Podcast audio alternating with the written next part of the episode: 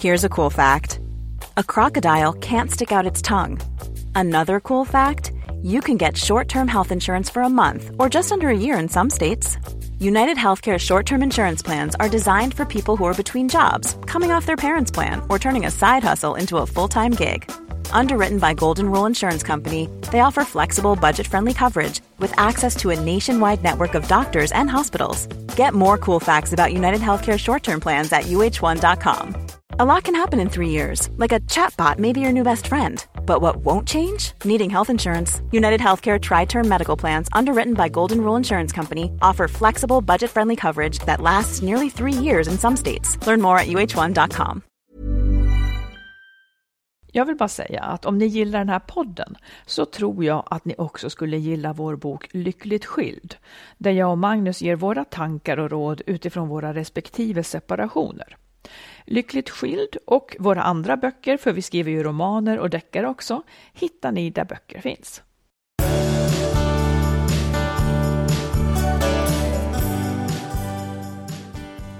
Hej allihopa! Hej hej! Välkommen till avsnitt 183 av Skilsmässopodden. Japp. Mm. Du, ehm, ja men är det inte, jag tycker att det är en ganska så här, en ganska osexig period just nu. Jag vet inte vad jag ska säga för ord. Nu sa jag osexig, Ja. men ah, jag vet inte, ja det är väl ungefär det jag menar. Jag tycker att den är fullständigt vedervärdig. Du jag tycker det, Ja, ja. Fan, Ja. jag tycker det här är faktiskt en, nästan som jag upplever som den så här, ytligt värsta perioden i mitt liv. Men börjar jag bli orolig. menade, jag, Ja, säg. jag menade osexig. Jag menade inte det är kallt och dåligt väder, jag Nej. menade osexig. Hur då? Osexigt. På vilket sätt?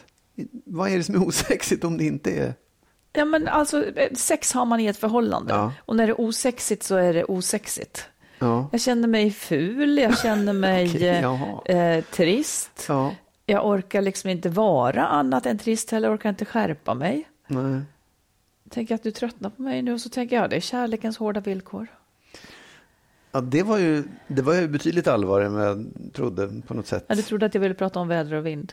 Nej, men för jag känner, jag, jag tänker inte på det som att det, det är osexigt. Jag tänker bara på att det är dystert. Liksom. Det, och hela, hela tillvaron påverkar den på något sätt. Att det är, det är, ja, jag vet inte, det är grått och det är Men mörkt. Och det, Men jag får prata om oss. jag förstår det. Och då det? tänker jag att det spelar Hur in vi det? också. Ja.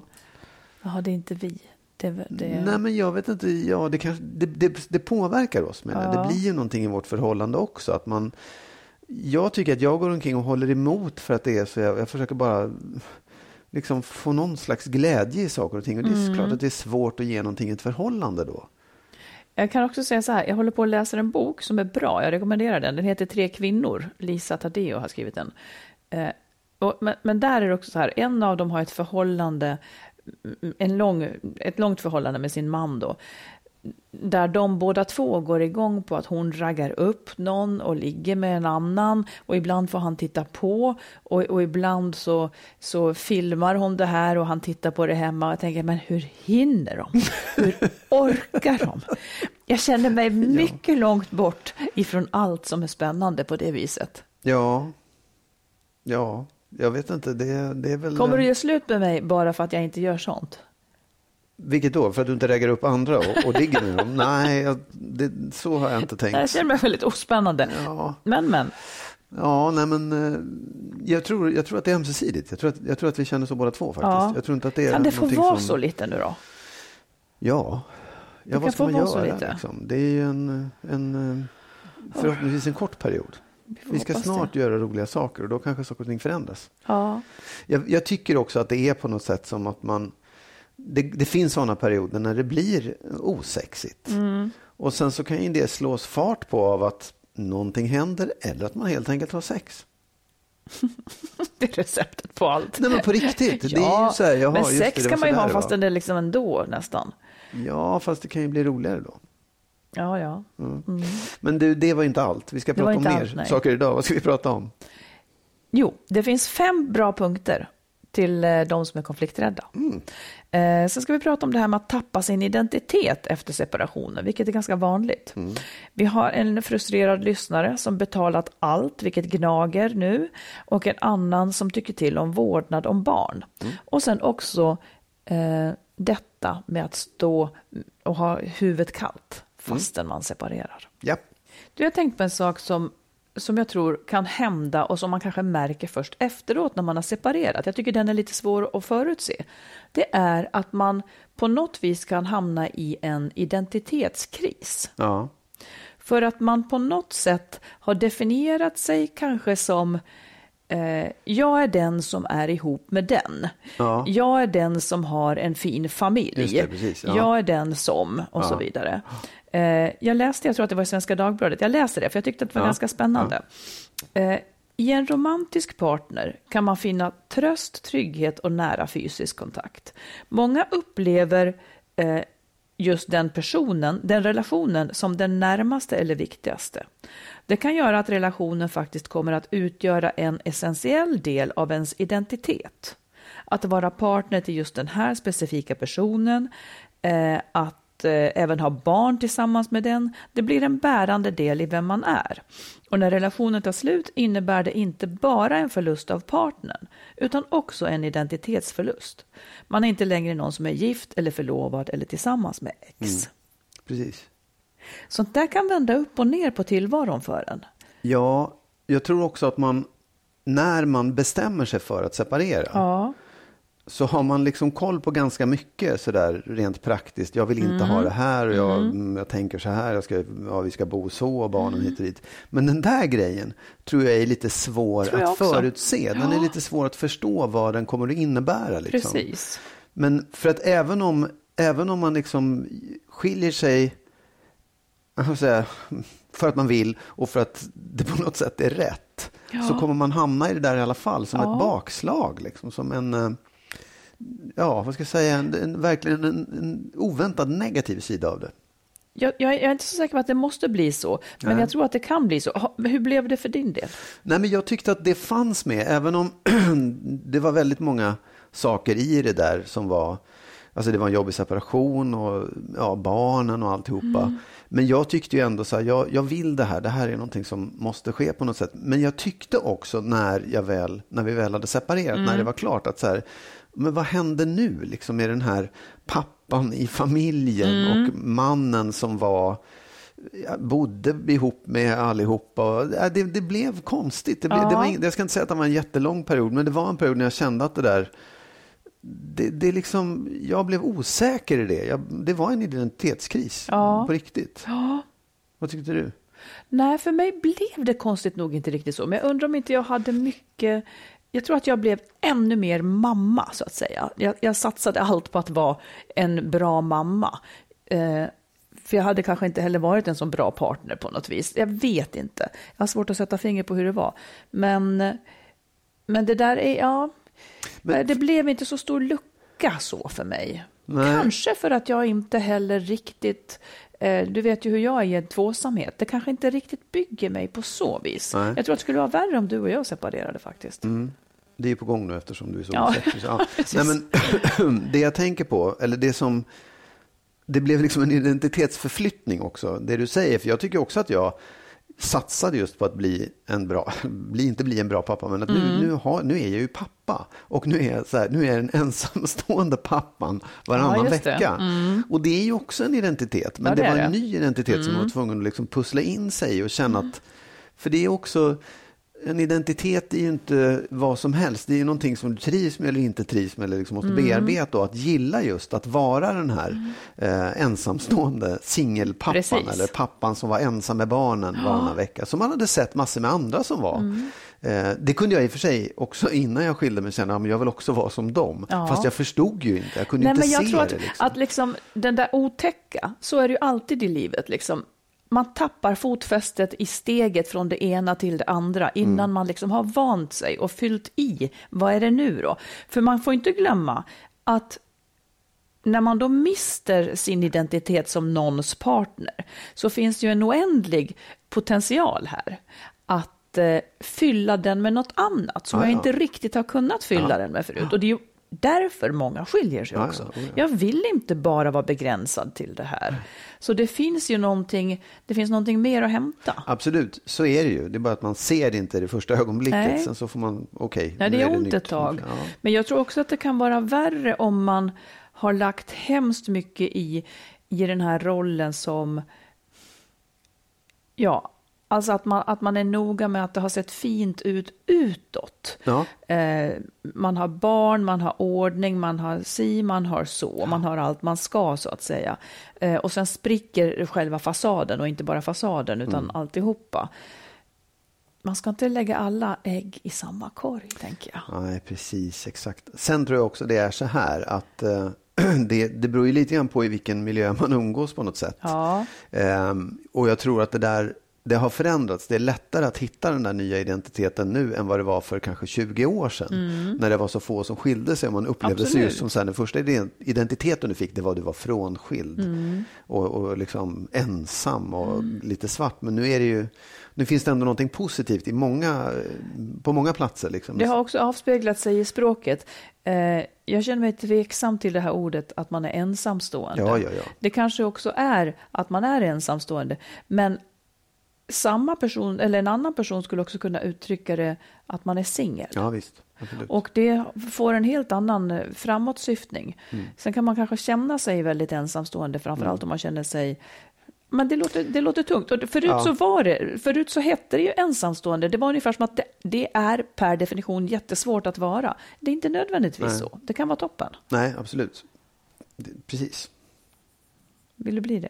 Nej, det vill jag inte. inte Nej, men jag tänker det. så här också, att det är ju en sak, liksom i förhållande till andra partner är man ju en identitet. Men du är ju också en ensam förälder. Alltså varannan vecka så är du själv med dina barn och det är ju också en, en liksom identitet att jobba med. Ja, det är ja. jätteskönt. Ja, ja absolut. Skulle jag säga. Jag. Mm. Ja. Inte tutal om den saken. Inte tutal om den saken. Nej. Mm. Vad, vad föredrar du? Det här är en svår fråga, men vad föredrar du? Låt säga att man är, låt säga att jag är deppig, eller att du skulle vara deppig. Ja. Föredrar du då ett samtal om det som bara pågår och att man liksom grottar i det? Eller föredrar du att man muntrar upp dig? Oj, ja det var svårt. Det, jag, jag, båda två lät ganska bra tycker jag.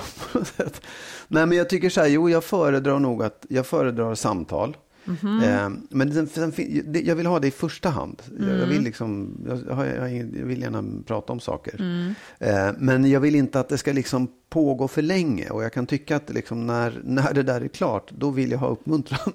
Hur långt är det länge då? Ja, men jag vet inte. Jag, jag tycker att det många gånger, det handlar inte om att det ska komma till en lösning. Det är ju inte det, utan man vill bara få älta, liksom prata igenom saker och få ur det ur systemet på något mm. sätt. Och sen finns det en gräns när man känner att ah, nu håller jag bara på att ta om det här. Nu, nu blir det liksom bara, nu blir det rundgång i det. Nu, nu vill jag få hjälp att släppa det ett tag och, och göra något, tänka på något bra och positivt. Uttrycker du att det är så du vill ha det ifall jag skulle älta för mycket eller så? Det vet jag inte, men jag, jag, kan nog känna att jag säger ja, ja men det, ja, att nu mm. är det mm. färdigt. Sen, sen kanske jag inte säger nu får du dansa eller göra något roligt, mima något roligt nu. Mm, precis. Underhåll mig. Oh. Vad föredrar du? Jag tror att jag föredrar ältandet. Ältandet? Ja, tills jag känner mig nöjd. Ja. Men jag behöver inte muntras upp. Aldrig? Aldrig. Ja, men du, det, det kan hända. Men, men nej, jag ville bara höra. Ja. För det där tror jag är olika. Ja, det tror jag en del vill bara skämta oh, ja. bort. En del vill verkligen Nej, bara skämta visst, bort. Oh, det kanske är bra. Jag tror, nej, jag tror inte på den metoden riktigt. Nej. Inte om man ska komma någon vart, men ibland så kan man ju föredra det. Ja. Du, ska vi ta en eh, lyssnarfråga? Kör i vind. Mm.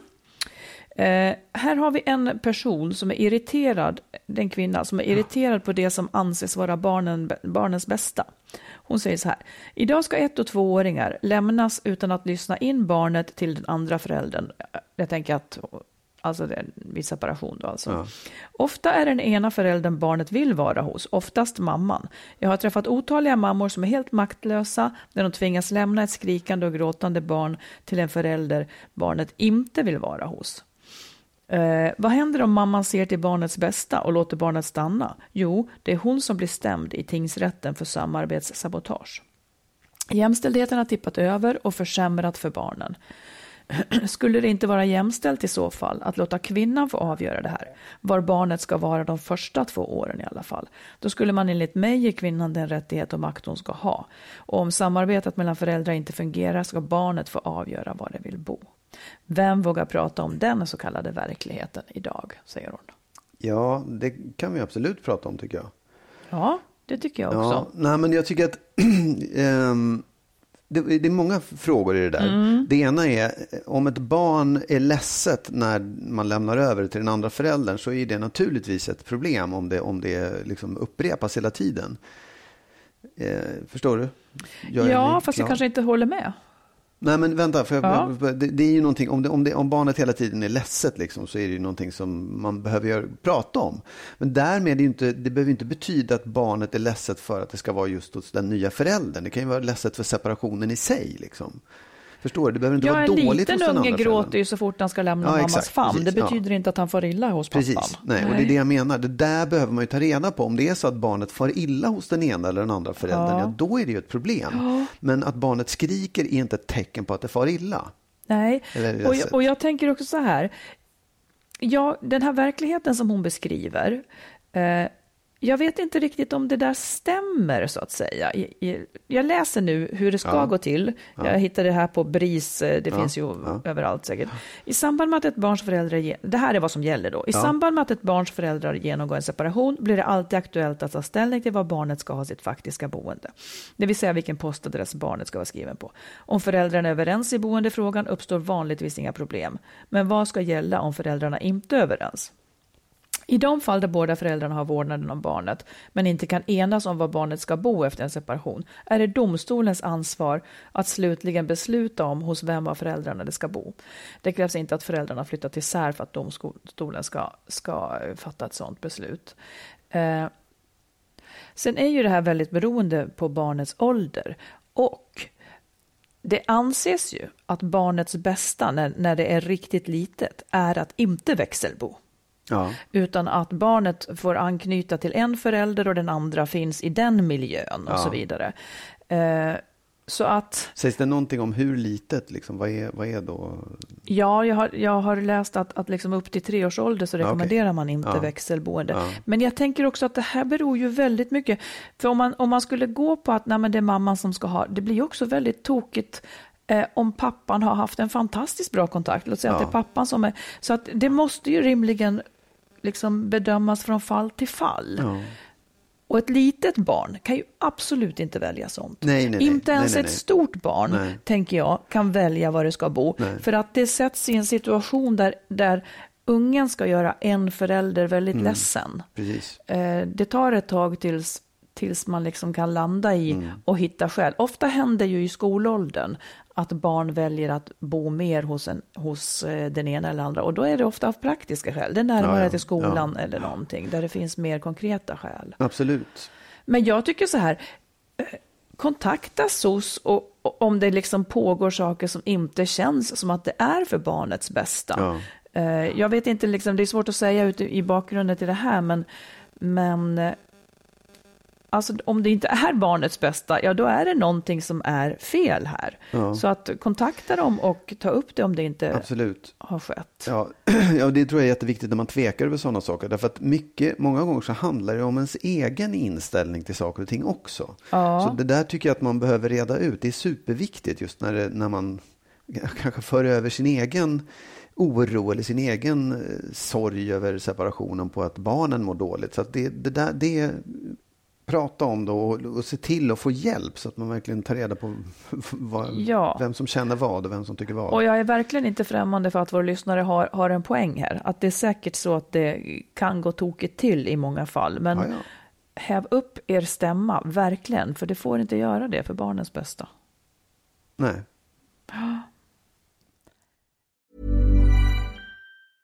Hey, I'm Ryan Reynolds. Recently, I asked Mint Mobile's legal team if big wireless companies are allowed to raise prices due to inflation. They said yes. And then when I asked if raising prices technically violates those onerous two year contracts, they said, What the f are you talking about, you insane Hollywood ass? F- So to recap, we're cutting the price of Mint Unlimited from $30 a month to just $15 a month. Give it a try at mintmobile.com slash switch. $45 upfront for three months plus taxes and fees. Promo rate for new customers for limited time. Unlimited more than 40 gigabytes per month. Slows. Full terms at mintmobile.com. Many of us have those stubborn pounds that seem impossible to lose, no matter how good we eat or how hard we work out. My solution is PlushCare. PlushCare is a leading telehealth provider with doctors who are there for you day and night to partner with you in your weight loss journey. They can prescribe FDA-approved weight loss medications like Wagovi and Zepbound for those who qualify. Plus, they accept most insurance plans. To get started, visit plushcare.com slash weight loss. That's plushcare.com slash weight loss. One size fits all seemed like a good idea for clothes Nice dress. Uh, it's a it's a t-shirt. until you tried it on. Same goes for your healthcare. That's why United Healthcare offers a variety of flexible, budget friendly coverage for medical, vision, dental, and more. So, whether you're between jobs, coming off a parent's plan, or even missed open enrollment, you can find the plan that fits you best. Find out more about United Healthcare coverage at uh1.com. That's uh1.com. Om du vill lyssna på eller läsa mer av oss så har vi skrivit boken Lyckligt skild om våra respektive skilsmässor. Marit har skrivit två romaner, dels Den nya familjesplitter och så Kärleksfallet. Och tillsammans med en vän har vi skrivit ljudboksföljetongen Skilsmässobyrån. Alla de här finns i olika former på nätet där böcker och ljudböcker finns. Här kommer ett favoritämne. Mm. Konflikträdsla. Konflikthantering, konflikträdsla. Svenska Dagbladet har ju faktiskt en spännande eh, artikelserie. Och jag tycker att den här saken, den inverkar så mycket både på privatliv och arbetsliv och relationer överhuvudtaget. Så jag vill gärna ta upp den och jag vill att vi alla liksom jag skulle önska att alla tränade sig lite. Du vet att du och jag pratar också om att jag tycker att du är lite konflikträdd. Jag, jag, jag, den här sätter fingret på vad det egentligen handlar om. Ja. Får se om du står ut med att vara det, för du är gott och stort sällskap. Den saken är klar. I vad? I, i, i att vara konflikträdd Okej. så, är, så är det, det är, du är inte ensam om det. Nej, om jag nu är det, ja. Precis. Okej, Ja. redan där kan vi ha en konflikt. Ja, Nej, exakt. men väl så här. Ja. Eh, en forskare säger så här. I situationer där man är konflikträdd har man en tendens att överskatta riskerna med att ta upp ett problem och underskatta de negativa följderna av att tiga still. Där tycker jag, eh, den tickar ju dina boxar tycker jag. Mm. Där är ju du och jag så här, hela, vi hamnar hela tiden i det du säger, ja men man ska inte, det kan bli fel om man gör så att säga. När då? I vilket? Ja, det handlar då? om allt ifrån barnuppfostran till om man ska ta upp en sak eller om man ska... Men handlar det om konflikter menar jag, eller handlar det om andra saker? Nej, man tar inte upp man tar inte upp ett problem eller en sak för att man är rädd att det ska bli en konflikt. Okej. Det är ju det som är att vara Ja, konflikträdd. ja. Man, man låter bli att ta upp en sak Mm. för att man är rädd att det ska bli fel. Det vill säga man överskattar risken med att ta upp ett problem. Alltså den som, är, den som har en konflikträdsla överskattar risken med att ta upp ett problem. Det kan bli fel. Okej. Eh, och underskattar de negativa följderna av att tiga still. Så det här kan ju vara också i företagsledningar eller i alla möjliga sammanhang där man där man liksom inte riktigt kommer någon vart för att man förstorar risken. Eh, då finns det fem steg för den som vill utvecklas här. Jag säger inte att jag inte heller har det här, jag kanske har det någonstans, men, men eh, vi tar dem ändå. Eh, det första är att man ska försöka förstå varför man är konflikträdd. Kanske det var att man tystades ner hemifrån, att det blev otäckt på något vis. Den där medvetenheten hjälper en att se rätt på läget nu. Om man förstår varför, varför känner jag så här? Om man nu ens är medveten om det, för det är liksom första steget på något vis. Att tänka, är det så att jag avstår ifrån saker för att jag är rädd att det ska bli fel? Två, Träna på att ta små oviktiga konflikter där inte så mycket står på spel. Notera vilka känslor det här väcker hos dig. Alltså man tar en konflikt om någonting, eller man, tar, man, man, man uttrycker, egentligen kan det också vara att man uttrycker sin vilja, eller vågar ge ett råd till någon, eller vågar göra någonting som man kanske annars inte skulle ha vågat, av rädsla för att det skulle bli fel. Tre, den här tycker jag är bra. Se på det hela som att du är mest rädd för dina egna känslor. Man är rädd för att man ska uppleva konflikten som otäck. Du kommer egentligen bara att behöva stå ut med dina egna känslor i det som händer. Du behöver inte kontrollera någon annan. Mm. För egentligen så är det ju så. Det är inte farligt, utan man ska bara stå ut med vad man själv känner i det här läget. Mm. Det här kan man använda i löneförhandlingar och överallt. Ja. Man ska bara stå ut med den obehagliga tystnaden. Ja. Har man en konflikträdd person mitt emot sig så händer underverk. Mm. Um, 4. En verkningsfull metod att övervinna konflikträdsla är att lära känna sina egna behov, intressen och önskningar. Om du vet vad du vill och tycker, och, och, om du vet vad du vill och tycker att dina önskningar är värda att stå för, så kan det bli en drivkraft för att övervinna konflikträdslan. Mm. Det tror jag också är en stark motor. Om man vet vad man vill, då blir mm. man villig att liksom kämpa lite för det. Det står också att den som är alltför undfallande kan få svårt att känna ordentlig självrespekt. Mm. Så det är viktigt att man liksom försvarar sina egna gränser när andra gör övertramp. Mm. Eh, och sen det sista. Eh, om man förstår, eh, förstår man hur man fungerar, varför rädslan uppstår och varför andra reagerar som de gör, så minskar rädslan. Den, den hänger samman med kontrollförlust. Att ha lite kunskap om och redskap för konflikthantering är väldigt bra medel mot konflikträdsla. Mm. Kände du igen i någonting?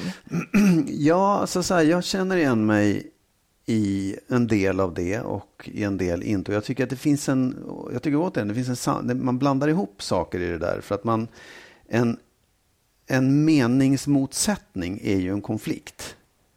Ja, för en Alltså, del är det att ju man det. tycker Mm. olika saker, det är ju en konflikt. Men är det en obehaglig konflikt? Nej, det är det ju inte. Det är Nej. ju inte en obehaglig konflikt. Och vissa, vissa saker kan man ta lätt med vissa personer och samma sak har man jättesvårt för att ta upp med någon annan. Jag vet. Så det handlar ju om, om fler saker än, än bara vet, just det där. Men, men för att man ska kunna prata om det på ett meningsfullt sätt Mm. så behöver man ju zooma ut och inte säga att ibland är det si och ibland är det så, utan konstatera att vissa har svårare att ta samma konflikt som en annan under. Vissa har, annars kommer man liksom ingen Absolut, vart. jag vet. Men det jag menar, det jag försöker säga är också Mm. så här att många människor som säger att de inte är konflikträdda, de är fruktansvärt konflikträdda. Ja. Därför att vad de gör i en konflikt är att de vänder allting utåt och blir defensiva och, och börjar bli aggressiva istället.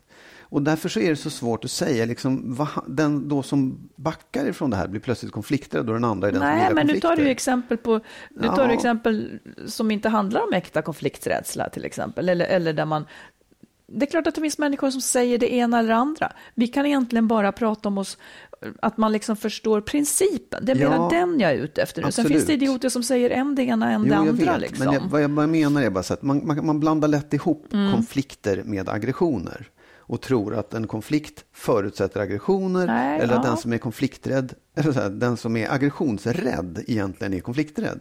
Och det tycker jag är ett problem. Det, det ligger i det här också. Man, man liksom kan inte riktigt se vad är, det, vad är det vi vill åt när vi vill att någon ska bli bättre på att hantera konflikter. Att man ska i varje läge våga uttrycka sin åsikt. Ja, och då menar jag så här. Det kanske inte är så jävla bra om du lever med någon som är fruktansvärt aggressiv och våldsam. Nej, men vadå? För att ta en ytterlighet av det. Nej, men varför, tar- varför tar du just den? Jo, men därför att det belyser lite grann vad det faktiskt handlar om. Nej, det, det här går inte jag med på. Om jag, om jag nu säger så här. Mm. Jag sa så här. Att, att man, att anledningen till att man kanske ska bli bättre på att, eller liksom om man är konflikträdd, anledningen till att det är värt att jobba på den saken Mm. är ju för att man ska få ett sannare liv, nämligen där man uttrycker sig själv. Ja. Det har ingenting med aggre- aggressivitet Nej. att göra eller, eller så. Nej, jag fattar det också. Men så här, jag, om man då tittar på det att få, alltså få sin vilja fram. Eller att Nej, det liksom, var inte det jag sa heller. Uttrycka ja, sin vilja. Uttrycka sin vilja. Ja. Jag tycker att jag har ganska lätt för att uttrycka min vilja. Jag känner det är inte att jag har några problem med det. Men ändå så, så upplever du mig som konflikträdd. Ja, i vissa avseenden gör jag det. Ja. För att det ofta är så här, så, förra podden så pratade vi om att, att man kan närma sig människor, eller, eller som vi har pratat om så här, skulle du kunna säga, du kanske borde ge det här rådet eller prata med dina barn om det här, om, vi, om det Mm. har varit något. Då låter du hellre bli. Varför? För, för att du är rädd att det ska bli fel. Nej. Ja, fel. Men Ja. vad är fel då? Är det att det ska bli en konflikt eller att jag ska intrång i deras privatliv? Eh, Jag, jag läser bara den här första delen som jag tycker stämmer väldigt bra på det. Eh, Att när man är konflikträdd har man en tendens att överskatta riskerna med att Ja. ta upp ett problem.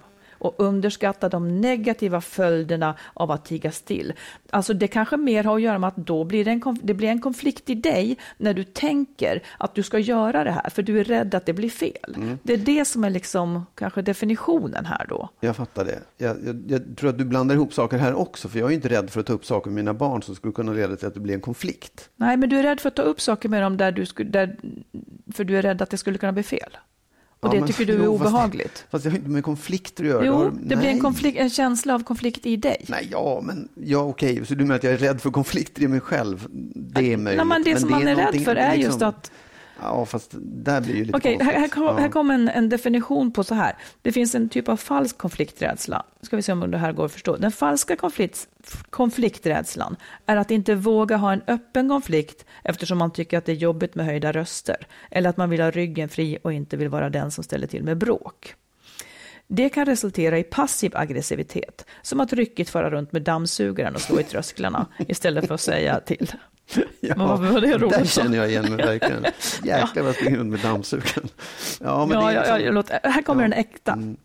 Den äkta konflikträdslan ligger på ett djupare plan. Då kan en part trycka ner sina önskningar och behov så väl att partnern inte ens märker att den andra inte vill. I botten kan finnas en existentiell rädsla, jag är omöjlig eller jag vill inte göra min partner ledsen för då blir jag övergiven. Ja. Förstår du, förstår du det? ja, det förstår jag, men jag kan ju Den inte känna igen det kan alls. exempelvis gå med på att ha en öppen relation där det är okej att ha sex med andra fast den inte vill, ungefär som vi pratade om i början. Eller för att ta en vardaglig situation, att mot sin vilja följa med till partners föräldrar och så Ja. vidare. Det tror jag är mig. jättevanligt. Ja, det tror jag säkert är jättevanligt, absolut. Men, men, liksom... Men jag kan vara rädd, eller du kanske inte känner igen det, Skit, vi skiter i dig höll jag på att säga, men jag kan vara rädd för att du en dag, eh, eller att det är när det är för sent, att man får veta vad som var fel på en för att du inte har sagt det. Ja. Men det är ungefär som att alla, är, eller du och tidigare mina partner är rädd för att jag plötsligt ska gå i kloster eller någonting. Det kommer inte att hända. Och jag är inte rädd för att gå i kloster. Nej. Nej. Nå, vart vill man komma? Ja. Jo, men jag tänker så här, det, det är ju, man pratar faktiskt här på ett sätt som att konflikträdsla inte riktigt handlar om att man är rädd för bråk, utan att man är rädd för att utsätta sig för den här obehagliga känslan Mm. eh, innan man har fått den andra partens godkännande. Den känslan bor bara i en själv. Ja. Och det är den man ska lära sig att stå ut med. Jag tror inte att jag är särskilt konflikträdd. Det vill säga, jag kan få problem när jag har att göra med konflikträdda människor. Okej. Eller jag märker ju att jag måste liksom jag måste förhålla mig till det väldigt, väldigt starkt. Jag måste aktivt öppna för att de, och jobba med att få veta vad de egentligen tycker och tänker och känner. Att de ska våga säga det. Ja. Jag förstår. Ja, ja det, det, Det här det slår inte an någonting hos dig. Nej, nej men jag, så här, jag, jag blir lite så här, jag, för jag, jag tycker att det är, jag, jag tycker att det är jävligt obehagligt med aggressioner. Jag tycker det är jätteläskigt och jag vet varför det är på det sättet. Men jag kan inte känna att jag har problem med konflikter egentligen. Och jag kan heller inte känna att jag har liksom eh, svårt att uttrycka min vilja eller eller liksom, jag, jag har inte svårt att stå för det. Jag har svårt för människor som omedelbart tänder till. Och jag kanske har lite väl svårt för det. Att det, det krävs inte så mycket för att jag ska känna, wow, det där var inte så Men det roligt. händer ju inte så ofta. Alltså Nej. det, och, och, om man, det som jag ser hos dig, det, det, det, det hör hemma mer i det här i så fall. Att du och jag har en väldigt olika benägenhet i att, att eh, vad ska man säga? Att ingripa eller försöka hjälpa till när någonting är fel. Du betonar risken för att, det, och det kanske du är rätt i, men du betonar risken för att det skulle bli fel. Eh, Medan jag betonar risken om vi ingenting gör. Där har vi ändå olika läggning. Ja. Och jag tror, och med den här definitionen Ja. så, jag säger inte att min är bättre eller sämre, men det är ju viktigt att var och en åtminstone, att, att man är fri, att man känner sig fri att agera så att man efteråt inte ångrar sig. Absolut. Nej, men det är så här, jag, jag, jag håller med om det på sätt och vis. Jag, jag vill inte, jag drar mig för att ta upp saker eh, för att jag är rädd att det ska hamna fel. Men jag tycker också att jag har eh, lärt mig att, jag, jag tycker att det, det finns en positiv sida av det. Och det är det att jag väntar tills det blir ett bra läge så att man faktiskt kan få någonting ut av den konflikten. För Förstår du menar Så att, jag, när jag gör det lite tidigare så får jag inte ut någonting av det? det kan vara så Det är det här resonemanget, som jag, fel, det är det här liksom. Ja. resonemanget som är precis det jag menar. Ja. Du betonar det som kan gå fel. Ja, absolut. Därför att det, det är så också många gånger, att det kan gå fel och det, Ja, det det, kanske har att göra med, med hur du då känner och hur du då gör, så att säga. Ja, men det, har, det är inte bara vad jag gör, utan det Nej, handlar om vad hela det här nej, spelet men om- tar ja. Mm. vägen någonstans. Och Det är inte bara mellan dig och mig, utan det är som du säger i arbete på andra ställen också. Att det finns liksom, jag vet ju själv att när man går igång på någonting, då har man så mycket känslomässigt med sig att, att det liksom inte, man är inte ens beredd att lösa det, utan du vill bara få ur den här skiten du har i dig. Jo, och men det, är, också inte en- bra. Nej, nu, nu betonade du också Ja. ett, ett ställe där det inte blev bra. Men det, det är ju inte alternativet alltid.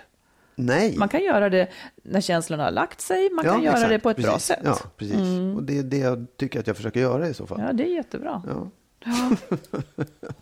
Vad skönt att det är bra. Ska vi stänga diskussionen här när vi enas en kort stund? Ja, okej. Ja. Så vi stänger av och så fortsätter vi. Du, vi tar ett lyssnarbrev. Ja. ja. Eh, det är en man som skriver, de håller på att separerar och det mesta går bra, men det finns en sak som han har svårt att släppa. Eh, han startade eget, skriver han, för nästan tio år sedan och det har gått ganska bra, säger han. Har jobbat väldigt mycket och har väl fått in en del pengar som jag unnat familjen varenda öre. Har till och med tömt mitt eget pensionssparande ett par gånger för att det har varit akut behov av pengar. Eh, han har jobbat som en tok för att kunna unna familjen gott. Eh, vid en diskussion häromdagen så uttryckte jag att det kändes otacksamt med allt jag försakat och bidragit med. Till exempel för några år sedan la jag 84 000 på semestrar. Och när jag nämnde det fick jag svaret ja, och? Eh, har inte unnat mig själv något speciellt för de sista två åren eftersom allt tidigare har gått till familjen.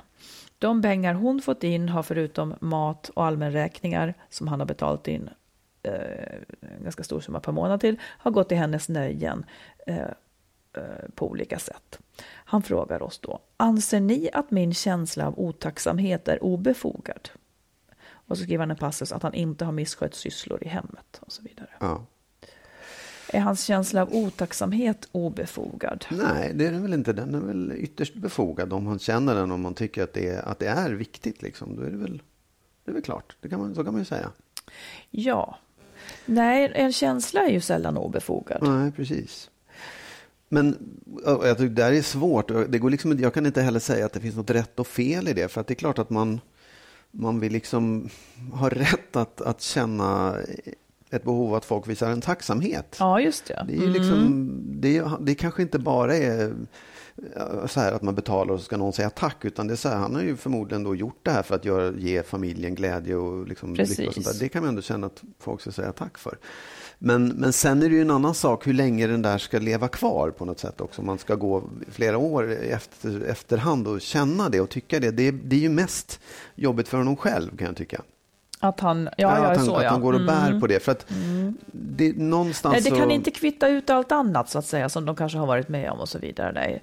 Eh, Nej, men sen också menar jag att så här, det är ju, det kanske, det är mitt sätt att resonera. Jag kan, jag kan gråta över saker som kostar pengar och att det försvinner saker liksom innan. Men när det väl är gjort, då får man stänga dörren om det och säga så här, ja, ja, du, du valde att göra det här. Du, du valde att, att bjuda på det här eller, eller köpa det här eller vad som helst. Liksom. Och då har du valt det. Sen, sen så får du liksom gå vidare därifrån och hoppas att någon är glad. Är de inte glada, då får du säga ja, så är det. Eller då vi, tänker jag inte igenom er. Eller då går jag någon annanstans och ger någon annan som blir gladare för det. Om du förstår min krasshet. ja, ja, du talar nämligen med den krassaste krassa. Mm. Ja. För jag tycker att det här brevet är viktigt just därför. Mm. Eh, nu var det en man som hade Mm. Satsat sina pengar. Ofta är det kvinnor som satsar sina pengar genom att de, inte, genom att de är hemma och tar Mm. hand om barnen och inte utbildar sig eller, eller jobbar. Eh, jag vill egentligen utifrån det här bara säga, nej men känslan är naturligtvis inte obefogad. Eh, men det är likväl en dumhet. Det är likväl en dumhet, tycker jag. Eh, för att det är sånt här som fungerar så länge kärleken finns. Vi måste sluta tro att vi lever i sagans värld och att kärlek är evig. Den är inte det. Så om du inte i efterhand, så vad du än lever i, om du lever i ett förhållande så måste du ändå tänka, är jag nöjd med att ge henne eller honom det här if, även när det tar slut. Precis, och exakt. även när, när hen blir ett asshole och Ja. ligger med någon annan. Ja. Är jag nöjd då? Man måste tänka så och ta ansvar för sin egen ekonomi. Eh, det, det finns det, att hon skulle betala tillbaka finns inte på kartan, för så var inte överenskommelsen. Och att, ha, att liksom, nej, det är det här. Var och en måste ta ansvar för sin ekonomi. Kärlek, skulle jag säga, det är att man hjälper varandra, men det ska inte kvittas i kronor och ören. Det ska liksom inte, kärlek uttrycks inte i kronor och ören. Det blir fel sen. Var och en bör jobba för att den ska kunna försörja sig själv och sin egen familj och man ska inte tro att kärlek, eh, att det är romantiskt att liksom, Kärlek är romantiskt. nej. oh nej. Nej, men, nej, nej, nej, Men jag, absolut. Jag tycker, för jag, jag tycker att man ser så mycket elände för det, här, Mm. för det här. Låt säga att han inte hade haft pengar kvar nu. Mm. Det är ju katastrof. Ja, men alltså så här, jag tycker du var, du var helt rätt när du sa så här, man, man ska inte göra det här om man inte är beredd att liksom stå för det även när kärleken tar slut eller om är beredd att stå för det även om man inte får någon tacksamhet för det. Då, då ska man inte göra det, då ska man inte ge bort, då ska man inte ge vare sig av sin tid eller sina pengar eller någonting. Gör man det, då får man liksom stå sitt kast, tycker jag. Ja, det, det, det är, är helt väl korrekt. så. Man Ja. får se det som lärpengar här i livet. absolut. Sen har ju hon säkert kanske en annan tanke om varför det här var rätt. Så kan det ju också vara. Ja, ja, Det vet vi visst, ingenting om. Absolut, men jag menar, hans känsla är hans känsla. Ja, verkligen. Och jag förstår själv. att det där svider. Det skulle Ja, det göra för mig absolut. också. Det skulle ja. svida hårt. Om du visste vad jag känner. Du, du. Eh, jag slår ett slag för att man inte har gemensam ekonomi överhuvudtaget. Utan att var och en klarar sig. Sen kvittar man och jämkar om en är hemma med barn. Då ska det kompenseras och så vidare och så vidare. Allting ska vara rättvist. Det kan vara en del av det, men även, med, även om du har det så har du möjlighet att ge bort saker, att ge gåvor. Ja, ja. Och de måste man tänka på att de, det finns liksom ingen kvittning mot dem och man kan inte ångra En sig sen. gåva är man en tycker att det gåva. Mm. Ja. Yes. Du, ett annat favoritämne som jag har. Innan du ska, ge, innan du ska få sista ordet för den här Ja. podden då, så, så uppmanar jag allihopa, gå in på Skilsmässopoddens Facebook-sida och läs min artikel som jag har skrivit i Vi Villa där jag är chefredaktör. Men Ja. den ligger, jag har delat den så att den ligger på, på sidan. Där står det de fem stegen hur man delegerar hushållsarbete. Precis. De funkar. Ja, Och det är inte för sent. Man ska inte tro att det är för sent. Ja, nu har jag vant dem vid. Nej, det funkar. Mm. Säg nu du. ja. ja men det, idag blir det lite annorlunda. Mm. Idag blir det en hyllning. Jaha. Faktiskt. Nej, men jag, jag kan, det, är så, det är så mycket problem vi tar upp och vi, folk mår så dåligt. Så här. Men jag måste säga, så, jag, jag, det är några personer jag har hört talas om, eller några man känner också, Mm. som, som har separerat eh, och där den här personen upplever att exet är ett asshole. Ja. Ja, det går åt helvete, Sånt allting är bara händer. skitjobbigt. Eh, och jag menar, kanske inte efter 20 år, men så här, man, man, man har det i början, man vet att det är såret, man vet att det är skavigt. Och så den, de personerna som trots att exet är ett asshole ändå står upp och liksom låter det här vara. Ja, ja. Eh, kanske härdar ut med det. Inte blir, faller till föga eller liksom lägger sig ner totalt. Men, men ser utifrån vad det är. Okej, mitt ex mår dåligt eller är arg eller vad det än är. Men jag måste stå upp. Mina barn måste få vårdnad om sig. De ska inte behöva dras in i det här. De ska inte behöva höra en massa skit om, om att jag tycker att han är ett asshole. Och jag tror någonstans att det här kommer att gå över. Eller jag, jag ser liksom att det är en period och, och jag kommer liksom att fortsätta och, och försöka vara ärlig, rak och stå upp för det här hela vägen. De människorna tycker jag förtjänar en, en stor blombukett, nej inte en blombukett, men de förtjänar allt beröm och all pepp och allt stöd och all kärlek de kan få. Mm, det håller jag med om. Det är väldigt, Faktiskt. väldigt bra. Ja, det är det. Eh, som sagt så, det räcker ju oftast med att en, Ja, det räcker med att en Ja. klarar av det. Ja. Om båda två freakar ut blir det Ja. jobbigt för barnen. Precis. Men om en håller huvudet kallt så bygger Ja. det tillbaka vett och sans Precis. även hos den andra. Förr eller senare, oftast Ja. i alla fall. Och jag tycker det finns, man kan se liksom att de tar sin styrka ifrån sig själva och ifrån det faktum att de vet att de har rätt någonstans. Eller Rätt. eh, vet att de gör rätt, ska Ja, jag säga. Mm. Att de vet att det här är liksom, jag, jag tar skit i vissa lägen, för jag vet att det här är det bästa jag kan göra. Mm. Och det, det där är liksom, man blir inte, låter sig inte svepas iväg av den här ilskan Nej. eller att man blir kränkt av sin ex. Eller så. Utan, nej, jag, jag står för det här. Jag vet att det här är rätt. Då får man också lättare att leva med sig själv efteråt. Ja, Och det är guldstjärnor i föräldrahimlen. Tänker jag. Ja, och det finns liksom så många plus därför att precis barnen mår ju så fruktansvärt mycket bättre av det här. Och på ett sätt så tror jag, fast man kanske inte vill hjälpa det här hopplösa exet, så hjälper man den personen också genom att liksom med. ändå bara stå upp för det där. Så att, ja, all heder. Ja. Det var ändå bara en liten, liten positiv Ja, eh, verkligen. sista ord här. Men eh, med det så önskar vi alla er som kämpar och funderar och har er där ute en väldigt bra vecka. Ja, alla som är arga får också ha en bra vecka. Alla som är konflikträdda ska också ha en bra Alla. vecka. Men alla ska ha en bra- Ja. alla. Och sen så hörs vi igen om en vecka. Ja. Ha det bra. Hej då. Hej då.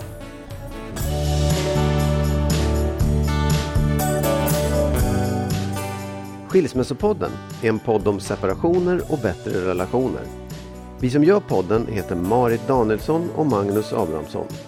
Om du vill stötta podden kan du swisha valfritt belopp på 123 087 1798. 123 087 1798.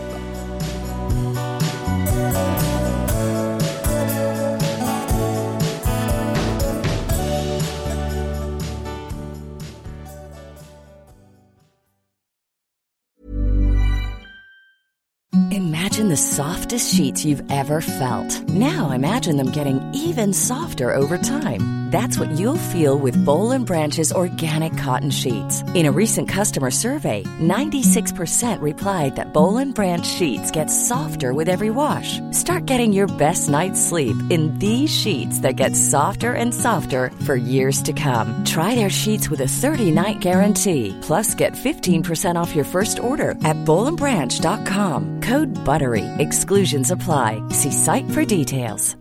Hi, I'm Daniel, founder of Pretty Litter. Cats and cat owners deserve better than any old fashioned litter. That's why I teamed up with scientists and veterinarians to create Pretty Litter. Its innovative crystal formula has superior odor control and weighs up to 80% less than clay litter. Pretty Litter even monitors health by changing colors to help detect early signs of potential illness. It's the world's smartest kitty litter. Go to prettylitter.com and use code ACAST for 20% off your first order and a free cat toy. Terms and conditions apply. See site for details. Hold up. What was that? Boring. No flavor. That was as bad as those leftovers you ate all week. Kiki Palmer here, and it's time to say hello to something fresh and guilt-free. Hello Fresh. Jazz up dinner with pecan-crusted chicken or garlic butter shrimp scampi. Now that's music to my mouth. Hello Fresh. Let's get this dinner party started. Discover all the delicious possibilities at hellofresh.com.